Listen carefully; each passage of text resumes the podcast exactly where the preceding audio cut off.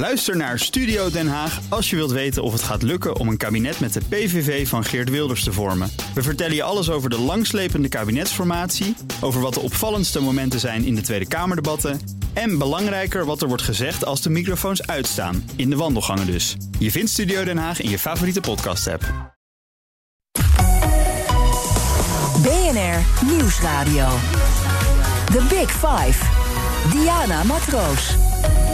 Welkom bij BNR's Big Five van de CEO. In de week van Prinsjesdag kijken we welke koers we willen varen met Nederland en wat de rol van grote bedrijven daarbij is. De crisis waar we nu in zitten heeft het nu, tot nu toe vooral voor gezorgd dat we naar de overheid kijken als helpende hand. Maar hoe staat het bedrijfsleven daar tegenover? Mogen we daar een grotere bijdrage van vragen? En wat dan? Hoe kijken ze naar de politieke wind in ons land? Het liberalisme heeft zijn langste tijd mogelijk gehad. Of zijn de opgaven voor de bedrijven ook complex genoeg nu zij hun schip moeten navigeren in crisistijd. Over deze zaken praat ik met de kopstukken van het Nederlandse bedrijfsleven. Eerder deze week sprak ik al met Marjan van Loon van Shell, Hans de Boer op zijn laatste dag als VNO-NCW-voorman, Allard Kastelein van havenbedrijf Rotterdam en gisteren was Dick Benschop van Schiphol bij me. Alle gesprekken zijn terug te luisteren in de BNR-app. Vandaag de man die op hoog niveau meepraat in Davos, persoonlijk contact heeft met wereldleiders, altijd wil maken. De CEO van Philips, Frans van Houten, van harte welkom. Gaat het zelfs voor jou nu een beetje te snel met alles wat er gebeurt? Uh, nee, eigenlijk niet, uh, Diana. Ik, uh, maar als ik even terugdenk aan het begin van de uitbraak van de pandemie. we zagen in januari natuurlijk de eerste incidenten in China. Maar Philips is groot in China. dus dat zette ons toen al aan het denken. En in februari, maart ging het echt los. En toen was het wel een hele drukke tijd. Want we kregen zoveel vraag naar uh, acute zorgvoorzieningen. Uh, dat we dat ook niet konden bijbenen. En toen dacht ik wel even van wauw, dat gaat alle kanten op. Het gaat wel heel snel dit. Ja, het ging wel heel snel toen. En wat doe je dan als leider om dat allemaal bij te houden en te zorgen dat je gewoon goed alles kan blijven coördineren? Ja, we, waren gedeeltelijk voorbereid. Bijvoorbeeld op, uh, op thuiswerken en, en onze IT-voorzieningen waren heel goed. Uh, maar we hebben eigenlijk uh, meteen een aantal principes geformuleerd. En dat noemen wij in het Engels de, de triple duty of care. de drievoudige verantwoordelijkheid van ons als bedrijf. Ten eerste uh, de veiligheid uh, en zorg over onze uh, medewerkers. Ten tweede de continuïteit van onze klanten. En zeker daar waar het ziekenhuizen betreft was dat waanzinnig belangrijk. Eh, hoe kunnen we zorgen dat onze klanten worden geholpen? En ten derde eh, de continuïteit van de firma zelf en, onze resultaten. En dat hebben we uh, breed besproken met de 80.000 uh, mensen in Philips. Ook eigenlijk om mensen richting te geven. Ehm, en ook om te kunnen delegeren. Want het ergste is als zo'n bedrijf verlamd door de crisis. Dat wil je niet. Je wil mhm. juist versnellen. Ja. Daarvoor moet je mensen in hun kracht zetten. Uh, en hoe duidelijker je bent van wat je van iedereen verwacht en wat uh, zeg maar de guidelines zijn, uh, hoe makkelijker je dat kunt doen. dus duidelijkheid is ontzettend belangrijk, ja. ook in je communicatie? Je moet heel veel meer communiceren. Ja. daar waar je dat misschien eerst elke maand doet, deden we het een paar keer per week. En dat verwacht je ook van alle andere leiders binnen het bedrijf omdat uh, mensen zijn allemaal on, onzeker. Uh, bijvoorbeeld, hoe ga je om met ziekenhuizen die uh, technische ondersteuning nodig hebben in de coronatijd? Kunnen medewerkers toch het ziekenhuis in?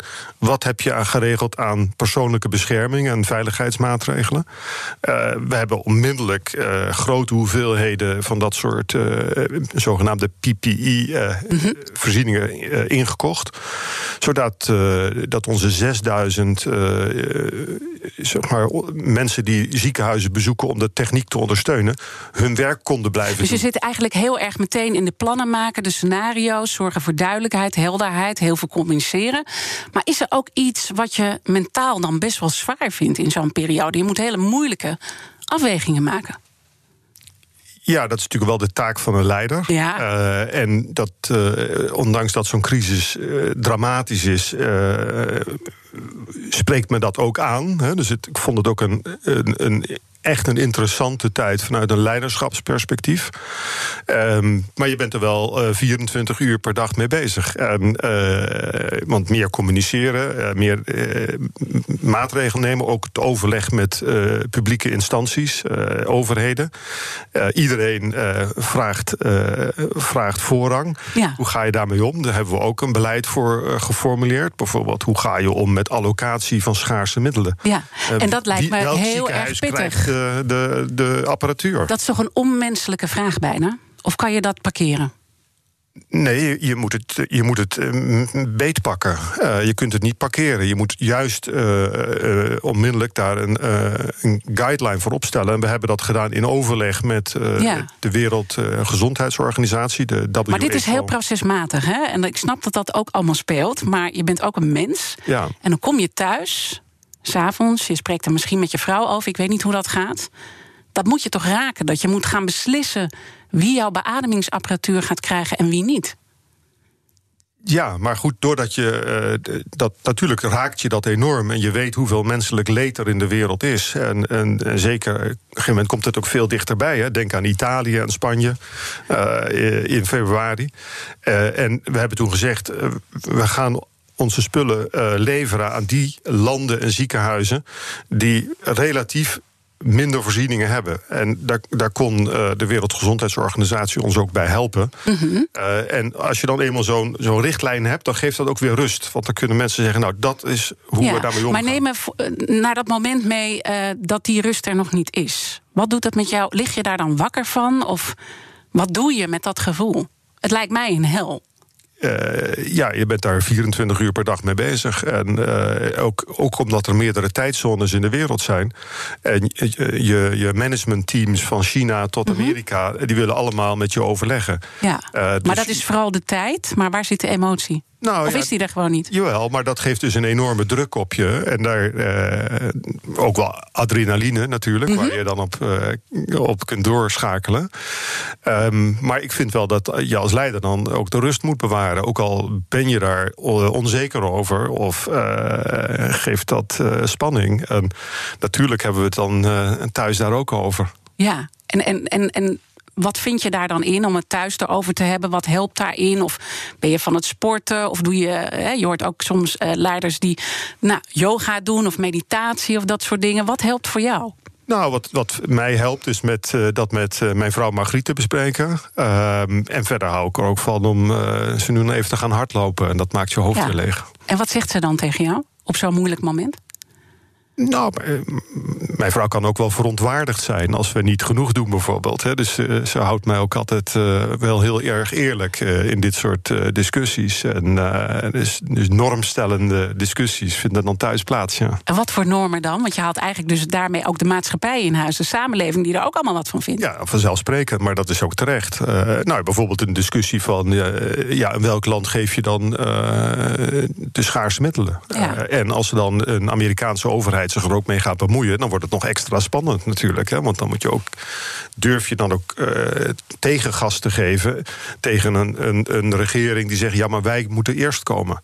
Ja, hoe doe je dat? Ja, dat is lastig, maar dan moet je eh, telkens uitleggen van wat onze overtuigingen zijn. En, en onze overtuigingen, juist omdat we erover nagedacht. Wij zeiden, de ziekenhuizen en de regio's die het minste middelen hebben en die het diepste in de pandemie zitten, die gaan, hebben voorrang op de landen die eigenlijk alleen maar een voorraad aan het aanleggen zijn. Ja. ja. The Big Five. Diana Matroos. Deze week praat ik met de top van de top in BNR's Big Five van de CEO's. En mijn gast vandaag is Frans van Houten, de CEO van Philips. Ik wil met je mee naar dat moment in Amerika. Want je stipte het zelf uh, al aan. Op een gegeven moment komt daar ook die vraag van uh, beademingsapparatuur. En intussen is er heel veel gedoe met een hoorzitting die is uitgesteld. En de orde die is teruggetrokken. Maar even naar dat beginmoment. Amerika wil dat. Er komt getouwtrek over. Dat beschreef je net ook al. Hoe gaat dat? Bel je met Trump? Nee. Nee? Nee. Want je, je hebt hem wel eerder gesproken, namelijk. Ik ben daar samen met Mark Rutte een keer op bezoek geweest in de White House. Dat was heel spannend. En, maar dat, dat had niks met deze pandemie te maken. Kijk, zoals alle landen heb je een ministerie van Gezondheidszorg. en daar praat je mee op het moment dat er een crisis is over de voorzieningen. en dus kwam er ook vanuit de Amerikaanse regering in Washington de vraag van wij willen meer acute zorgapparatuur hebben, waaronder ventilatoren en patiënt. Ja monitoren. En dan al snel klinkt America First. Ja, dat is uh, wat, wat overigens in Europa ook zo was. Hè. Er was ja. eventjes die, die periode dat Duitsland zei van nou, wat er in Duitsland gemaakt is, is voor Duitsland. En gelukkig werd dat al snel. Hey, in Europa zijn we met elkaar solidair. Uh, in Amerika uh, kwam dat ook op. Dus er zit ook wel iets normaals in dat het sentiment is onze eigen mensen eerst juist omdat we van tevoren een, een, beleidslijn hadden opgesteld en we zeiden van nou, we leveren uh, de landen en de regio's met de grootste nood eerst. En dat geldt ook voor, uh, voor Amerika. New York eerst. Ja. Boven bijvoorbeeld uh, andere staten. konden we onze rug wel recht houden. maar we hebben wel onder druk gestaan. En dat, dat durf ik wel toe te geven. En beschrijf dan eens hoe dat onder druk gevoeld worden, hoe, hoe, dat, hoe dat is. Hoe gaat dat? We willen even die fly on the wall zijn. Nou ja, kijk, we hebben twee fabrieken voor ventilatoren in Amerika. En uh, op het moment dat een, dat een conflict of een, zeg maar een discussie te intensief wordt kan het natuurlijk zo zijn dat een land zegt: ja, maar eh, eh, wij hebben een wet en daar staat in dat alles voor ons eigen land is. En die hebben ze uh, in Amerika. Dat, de, de, Defense Production Act, de, de, de, DPA. En je wil niet het zodanig op de spits drijven dat die wordt uh, op, toegepast op ons als bedrijf. Um, uh, dus we hebben ook natuurlijk de Nederlandse regering goed meegenomen en de Europese Commissie, uh, Ursula von der Leyen, meegenomen. En uiteindelijk is er dan toch begrip dat we de schaarse middelen moeten verdelen over de hele wereld. En is het dan zo dat je met Rutte hierover belt en daar een bepaald gesprek over hebt om de Nederlandse regering mee te nemen? Hoe gaat dat? Uh, nou, we houden het ministerie en zijn staf uh, op de hoogte. uiteindelijk hebben we geen uh, interventie vanuit de Nederlandse regering nodig gehad. Maar, maar, je belt wel even met Rutte, toch? Ik heb, niet persoonlijk, ik heb niet persoonlijk met Mark erover gesproken. Maar okay. zoals ik zeg, zijn staf geïnformeerd. ik vind dat belangrijk om, om mensen mee te nemen. Want op het moment dan, dat het misgaat dan is er al een zeker kennisniveau uh, over het dossier. Uh, nou, in dit geval is het niet misgegaan, dus uh, hadden we het ook niet nodig. Maar het was dus wel even spannend. Super, Uiteindelijk super spannend. Ja. Super spannend, want die wet is er en je weet dat daar gebruik gemaakt van gaat worden. Maar wat, wat is dan die spanning? Beschrijf dat, wat dat is. Wij zijn er niet bij geweest. Kijk, uiteindelijk moet je terug naar uh, je, wat in het Engels heet je purpose. Hè, van, van wat wil je doen? Wij hebben gezegd, we willen zoveel mogelijk gaan helpen. En uh, de vraag was vele malen groter dan onze productiecapaciteit. Dus we hebben in, maart al gezegd, we gaan 100 miljoen euro extra investeren... om die productiecapaciteit binnen weken en maanden uh, te verviervoudigen. Dat moet je voorstellen, zit iedereen in lockdown... en dan ga je al je leveranciers bellen. Je moet vier keer zoveel produceren. Dan zeggen we in, uh, in Amerika, uh, bouw er maar uh, drie productielijnen bij. Ja. Uh, en overal moet je toestemming krijgen dat mensen uit lockdown mogen. En dat je uh, mensen 24 uur uh, in, in vier shifts kunt laten werken. Dus dat is zo contra-indicatief ten opzichte van, van de, de lockdown. Ja. Dat, uh, dat is heel erg spannend. En iedereen zoekt naar duidelijkheid. En uh, dat is dan je, verantwoordelijkheid als, als leider van een bedrijf, van je managementteam, om zoveel mogelijk die, die helderheid te creëren. Dus je, je snelheid van beslissingen nemen gaat ook enorm omhoog. En daar moet ik ook zeggen, iedereen werkt mee. Als je helemaal uitlegt dat je het doet om zoveel mogelijk patiënten te helpen. Uh, we hadden bijvoorbeeld een leverancier in de Filipijnen, die zat in lockdown. Maar die had nou net dat ene componentje wat voor ons noodzakelijk was uh, om door te pakken op die productie. En dan gaat een ambassade helpen om te zeggen: ja, maar dit is echt noodzakelijk, dan mag dat bedrijf uit lockdown komen. Ja. Zo heeft KLM bijvoorbeeld uh, op een gegeven moment een luchtbrug uh, opgebouwd tussen China, Europa en Amerika. Uh, want er vloog geen vliegtuig meer. Ja, ja, Hoe krijgen we dan onze spullen naar de juiste dus die, locatie? ook weer hier is die communicatie en die helderheid ontzettend belangrijk om mensen in beweging te krijgen. En natuurlijk ook uiteindelijk een goed netwerk. En dan loopt het dus. Dan heb je al die schakeltjes heb je aan de praat gekregen. Al die mensen die ja. daarmee bezig zijn. Al de kosten, de investeringen die je ook moet maken aan de voorkant. En dan trekt uh, Amerika eind augustus opeens uh, een order in en die is nogal groot. Ja, dat, uh, we waren druk bezig met het uitleveren van de Amerikaanse orders. Um, en ze hebben van drie leveranciers de contracten opengebroken om te zeggen: we hebben er genoeg. En dat, daar heb ik dan ook. Ja, het is heel erg pijnlijk, maar ik heb er ook nog wel enigszins begrip voor. Want de Amerikaanse overheid heeft in totaal 200.000 ventilatoren besteld in het, op het hoogtepunt van de crisis in april. Ja. En uh, later hebben ze gerealiseerd dat dat er te veel zijn. Uh, maar dat is wel heel pijnlijk voor al die mensen die zo hard gewerkt hebben... Ja. Uh, om die productiecapaciteit uit te breiden. En krijg je dan van iemand een telefoontje binnen? Hoe gaat dat, dat het niet doorgaat? Ja, in dit geval kwam er een brief. Een brief. dus dat is wel extra zuur dat dat dan niet uh, met diezelfde intensiteit wordt gedaan als, uh, als in april. Want toen gingen de telefoontjes, die vlogen je om de oren. Ja. En op het moment dat mensen je dan even niet nodig hebben, dan uh, wordt het ineens veel kouder. En is het dan wel een brief van Trump?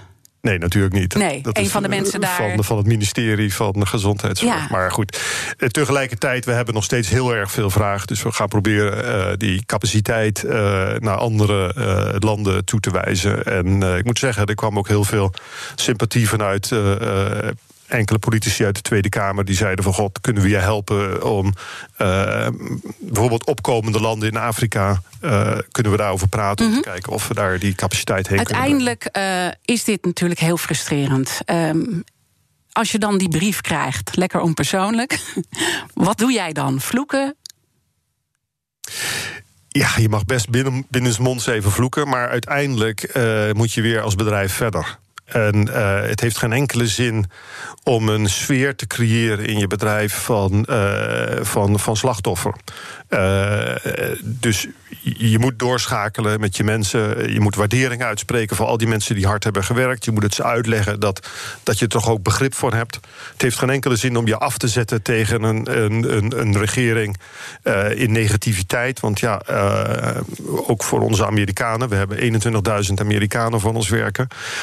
Uh, ja, die wil je, die wil je meenemen in zo'n beslissing. En niet zeg maar met antagonisme tegemoet treden. Ja, dus er is dan uiteindelijk heel veel begrip. En ook als we dan naar de regering Trump kijken. Trump schept altijd enorm op als de goede zakenman. Vind je dan ook op zo'n moment dat hij dat goed doet met zijn hele team om die keuze te maken? Ja, daar ga ik niet een, uh, een, een, diep oordeel over vellen. Omdat je uh, de beleidslijnen die zo'n regering moet, uh, moet bepalen. die hebben ook onder hoogspanning gewerkt. Dus dat. Nou ja, ik vind, ik vind het interessant om te weten. Je hebt hem ook persoonlijk ontmoet. Je hebt een bepaalde indruk ook van de man en zijn hele team. Ja, ik denk dat, kijk, als ik naar de hele wereld kijk, dan hebben alle regeringen uh, op een gegeven moment re realiseren zich dat ze dus moeten ins instappen en maatregelen moeten nemen. Dat is hier in Nederland gebeurd, in Duitsland, eigenlijk over de hele wereld.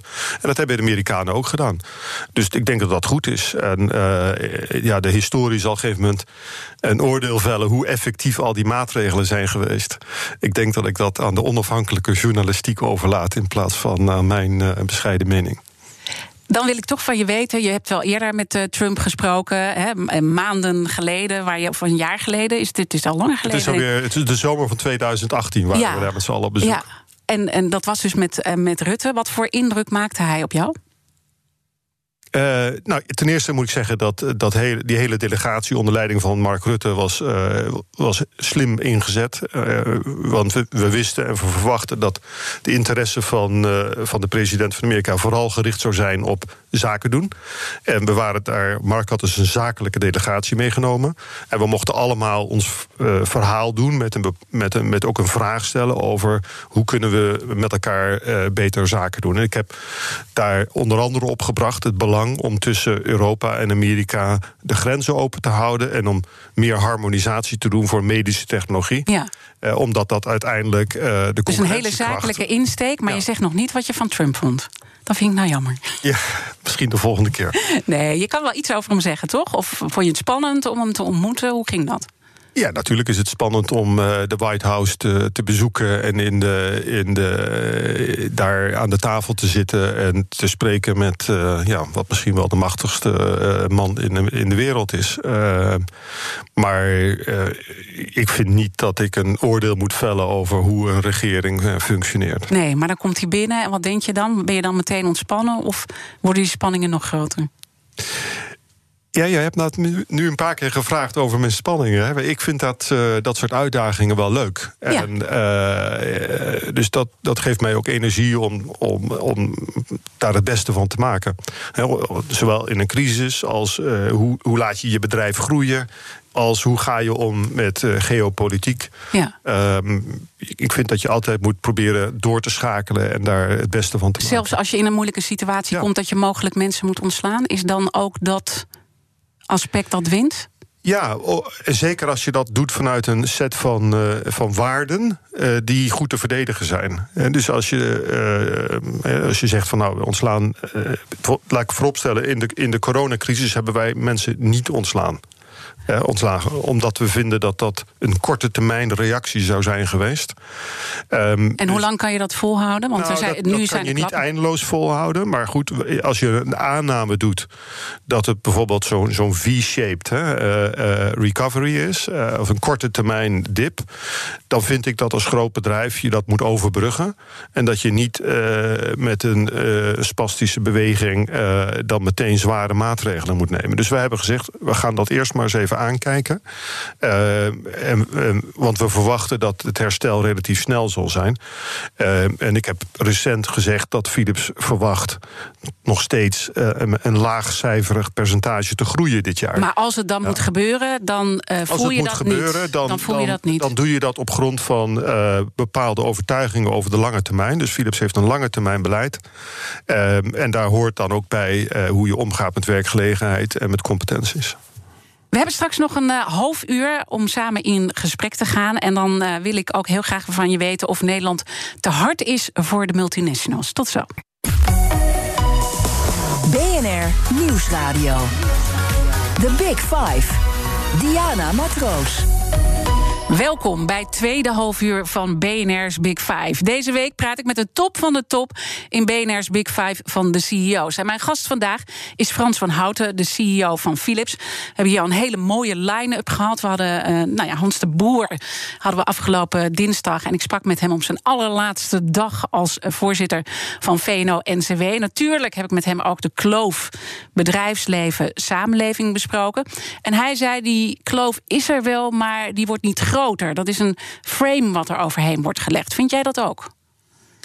Ik vind dat eh, Hans eh, gelijk heeft als hij zegt dat de arbeidsinkomensquote van de totale zeg maar, waarde in Nederland gelijk is gebleven. Dus dat is een objectief eh, feit.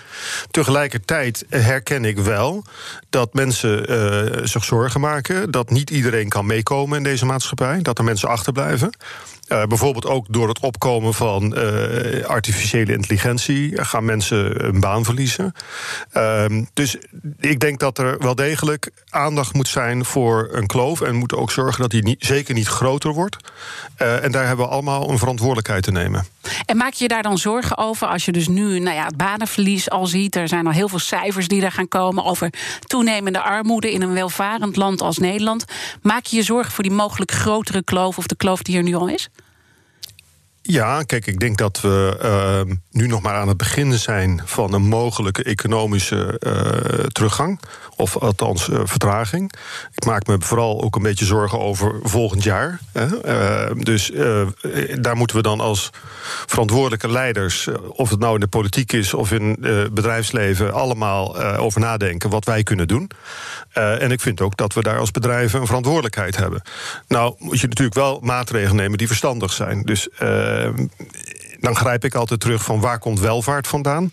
Uh, dat komt uiteindelijk van ondernemingskracht en concurrentiekracht van een land en van de bedrijven in dat land.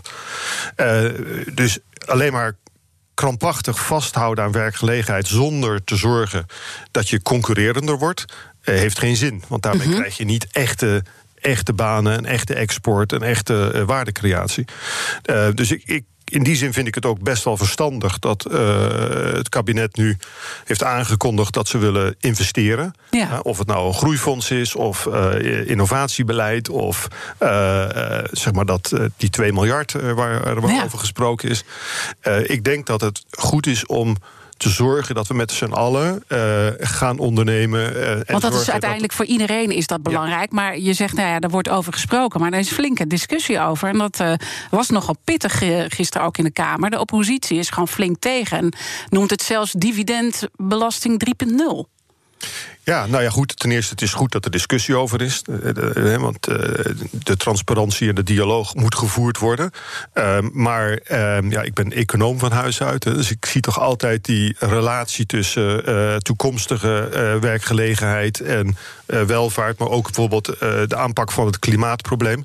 Dat je daarvoor moet investeren. dat zal niet vanzelf gaan. dus mensen die zeggen van.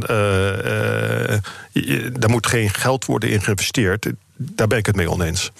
Uh, dus ik, ik, denk dat. Dus je staat achter de lijn uh, van de VVD dat dat gewoon overeind moet blijven? Ja, ik denk dat het. Ik zou het de lijn van het kabinet willen noemen. Ja. Het zijn meerdere partijen.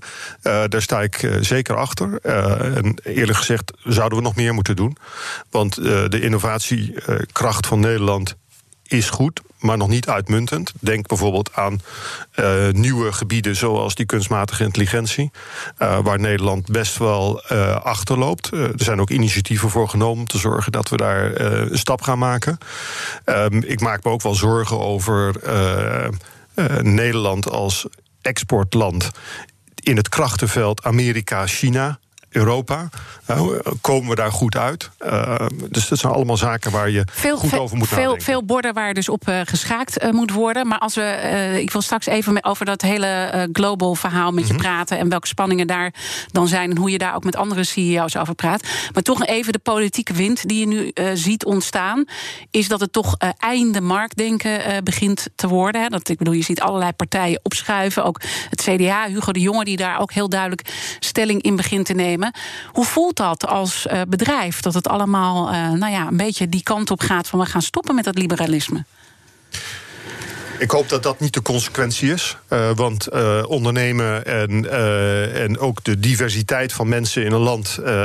dan moet je respect hebben voor de verschillende meningen. En je kunt niet alles over één kam scheren. Maar ik, ben, ik vind wel dat bedrijven, leiders, mensen... hun verantwoordelijkheid moeten nemen. Eerder deze week heeft Philips zijn beleid aangekondigd rondom wat in het Engels heet ESG: milieu, samenleving en, uh, en good governance, verantwoord ondernemen.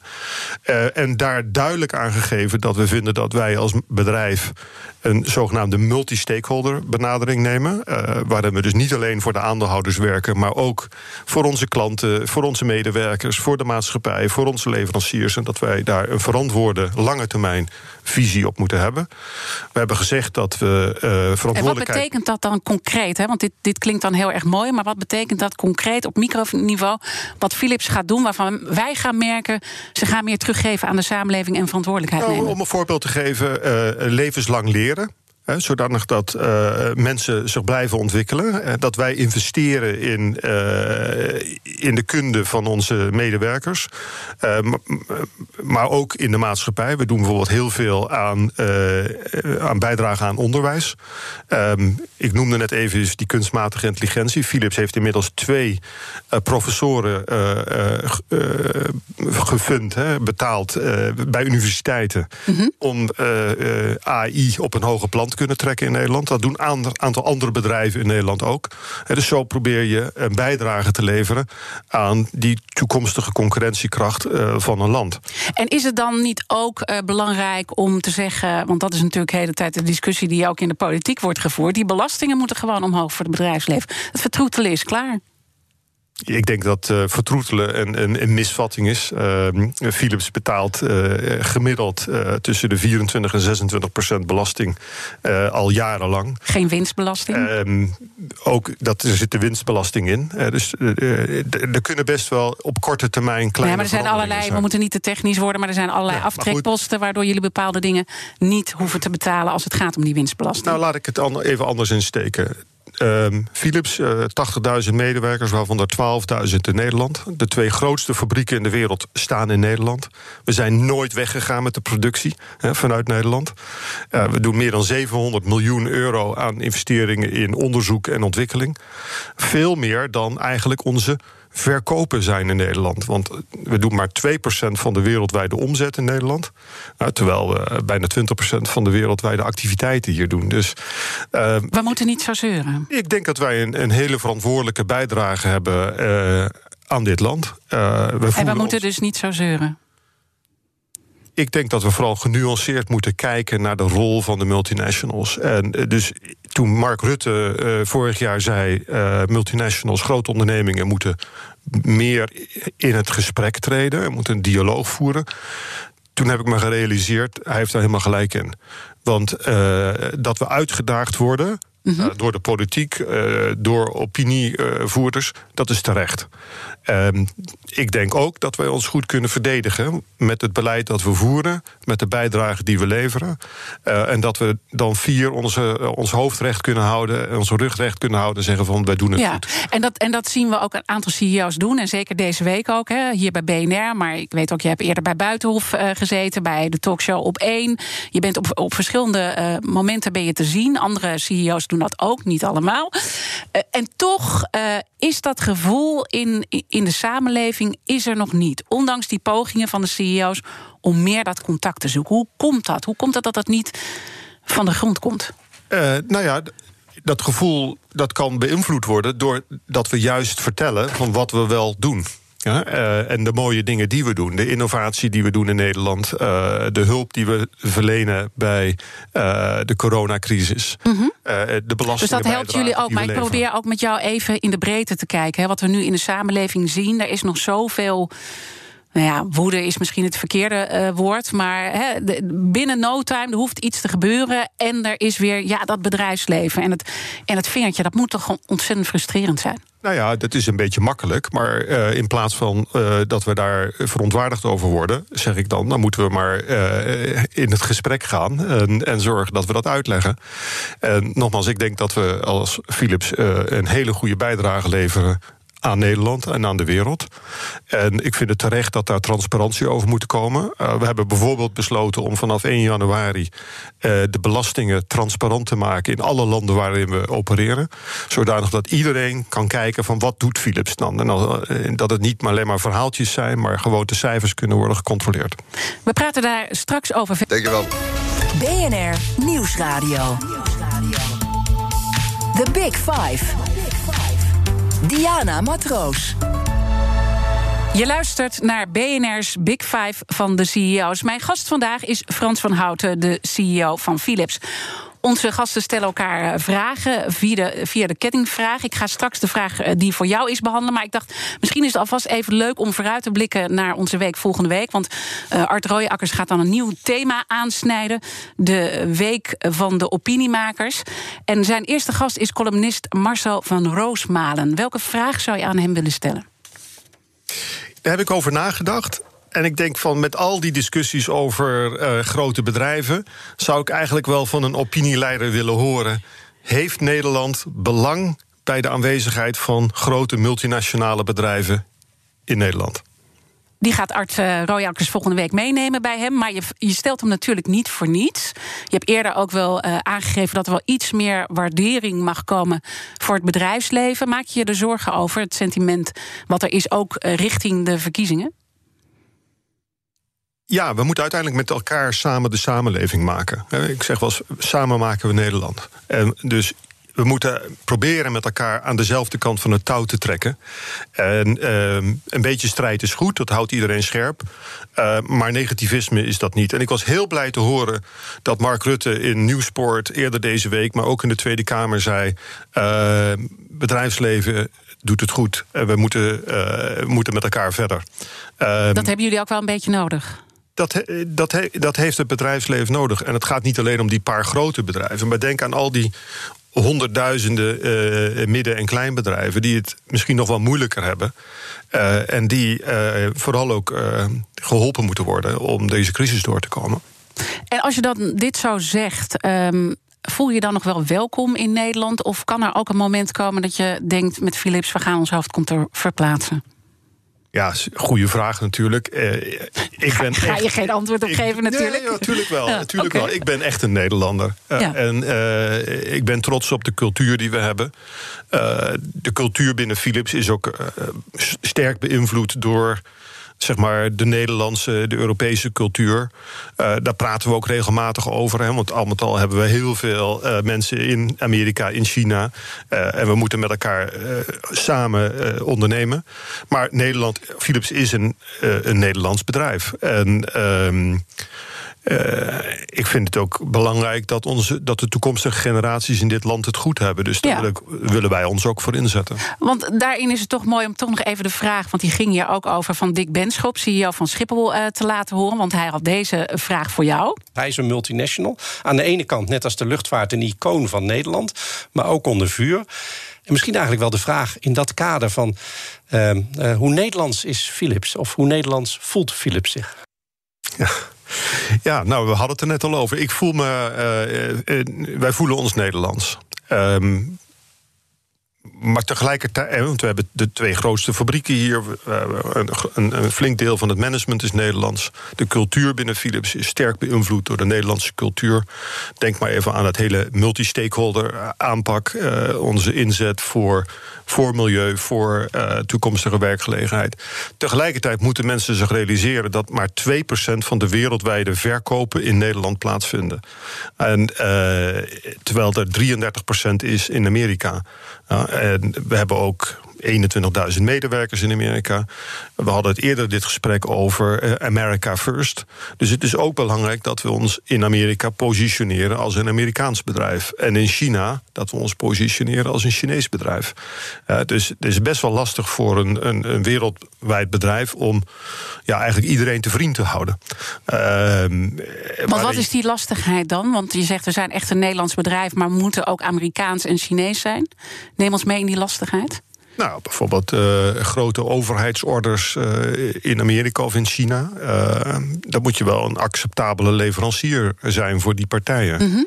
en... iedereen wil graag een fabriek in zijn eigen land hebben. Iedereen wil graag werkgelegenheid hebben die, verhoudt, die zich verhoudt tot -hmm. de omzet die je maakt in een land. Dus als wij in, in China uh, 2,5 miljard omzet doen en we zouden geen enkele werkgelegenheid realiseren, dan zou de Chinese, eh, Chinese overheid zeggen: ja, maar dat klopt niet. Ja. Ja, net zoals uh, Nederlanders graag willen dat we veel werkgelegenheid in Nederland creëren. Dus je zult daar altijd moeten, een balans moeten realiseren. Daar hebben wij ook uh, over nagedacht. En we hebben gezegd: we gaan nooit weg, um, zeg maar uit Europa met onze fabrieken. Ja, dus we hebben fabrieken in Nederland en Maar het hoofdkantoor zou mogelijk wel een keertje weg kunnen gaan. Zou dat kunnen?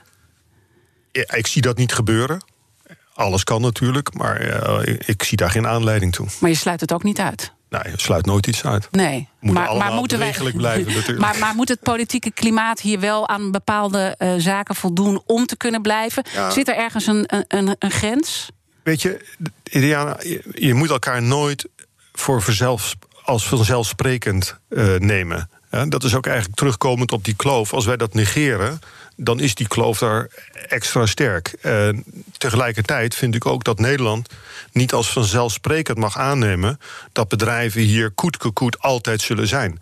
He, dus mijn hart ligt in Nederland. Mm -hmm. uh, Philips maar wat is een sterk aan... Nederlands bedrijf. Ja? Maar je moet wel zorgen dat je als land ook concurrerend bent en blijft. Ja, want uh, uiteindelijk gaat het om concurrentiekracht. Uh, en als je alleen maar maatregelen zou nemen waardoor dat ondernemen moeilijker wordt, ja, dan ga je op een gegeven moment uh, accenten verschuiven. En voordat je het weet, is dan ja. de activiteit niet meer in dit land. Want dat stipt je al aan. Uh, Global spelen ook allerlei verschillende dynamieken. Uh, je praat daar ook over met CEO's, maar ook met wereldleiders. Je hebt met de premier van China gesproken onlangs. Hoe gaan die gesprekken? Ja, dat zijn denk ik belangrijke gesprekken. Alhoewel uh, je nooit precies weet of je uh, het achterste van de tong ziet van uh, wat mensen denken. Het gesprek met de Chinese premier was georganiseerd door de World Economic Forum eerder deze week. En ja, daarin sprak de Chinese premier over het belang van multilaterale samenwerking. dus eigenlijk anders dan wat Amerika het over heeft. Um, China sprak zich uit dat ze een open economie willen hebben. Nou, daar moeten we ze aan houden. Mhm. En toen zei hij iets interessants. Hij zei: Ik hoop eigenlijk op een sterk Europa. En dat is interessant, ik vind dat ook. Want om China open te houden, moet er ook een kracht tegenover staan. En als Europa zich sterk kan opzetten, stellen in de wereld, in relatie tot China of in relatie tot Amerika, dan kan die balans uh, beter bewaard blijven. Um, terwijl voor een individueel bedrijf als Philips of een of een individueel land als Nederland, is het best wel lastig uh, om die balans goed te beïnvloeden. En um, ja, dus voor mij. Dus daar ligt wel een taak. Daar ligt zeker een taak. En ook met het oog op uh, de verkiezingen volgend jaar uh, is het belangrijk dat we ons realiseren dat in het krachtenveld uh, China, Amerika dat Europa er goed aan zou doen om zichzelf sterker te maken. En dat wordt misschien niet altijd beseft hier in Nederland. Want we vinden het ook altijd wel fijn om eventjes een beetje te trappen naar Europa. Uh, maar ik denk dat we Europa hard nodig hebben in. Uh, eh, in de dynamiek van de wereld in de komende jaren. Ja, en tegelijkertijd was je eigenlijk positief verrast door de opstelling van de Chinezen. Dat ze eigenlijk een sterk Europa willen en niet zoals Rusland uh, probeert Europa nou ja, Uit te splijten. Te spelen, ja. Ja, ja. ja. En, en, en dat je verrast bent, wat zegt dat over hoe wij ook naar China kijken? Je hoort elke keer het gevaar van China, we moeten op onze tellen passen. En dit is dan zo'n moment dat jou verrast. Wat, wat, wat haal je daar zelf uit? Ja, kijk, het verraste me in die zin omdat een, uh, een, land als China zou kunnen zeggen: ja, we hebben er meer belang bij als, als die verdeeldheid er is, wat Rusland zegt. Um, um, ik denk dat de boodschap van dat Europa sterk moet zijn, uh, beter gehoord moet worden. Uh, in Den Haag, uh, maar ook bij alle Nederlanders. Dat we ons realiseren dat wij als exportland, Nederland, dat we er zeer veel belang bij hebben. Dat de grenzen open blijven. Uh, dat we kunnen exporteren naar Amerika, naar China en naar andere landen. En dat we dat eigenlijk alleen voor elkaar krijgen als Europa sterk is. Dus dat is de belangrijke boodschap die je hier in ieder geval wil afgeven. Um, wil je ook de boodschap afgeven: we moeten niet zo bang zijn voor de Chinezen, want niet alles is slecht wat ze brengen? Want dat is toch een beetje de teneur hier. Nou, ik denk wel dat we elkaar eerlijk moeten houden. En, uh, dus de uitspraken waren goed. Ja. Uh, maar nu moeten we ook zorgen dat ze worden nageleefd. Uh, en daar is zeker nog wel wat werk te doen.